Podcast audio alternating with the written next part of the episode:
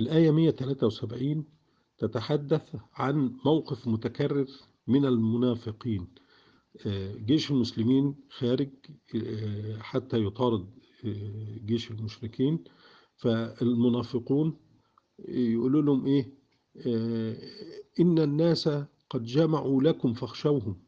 يعني ده خد بالك ده جيش المشركين جاي عليكم. فبيخوفوهم عشان إيه؟ يتراجعوا ويخذلوهم ويثبطوا همتهم يعني. فربنا سبحانه وتعالى ثبت المسلمين وزادهم إيمانا. هذا الكلام من المنافقين زادهم إيمانا وقالوا حسبنا الله ونعم الوكيل.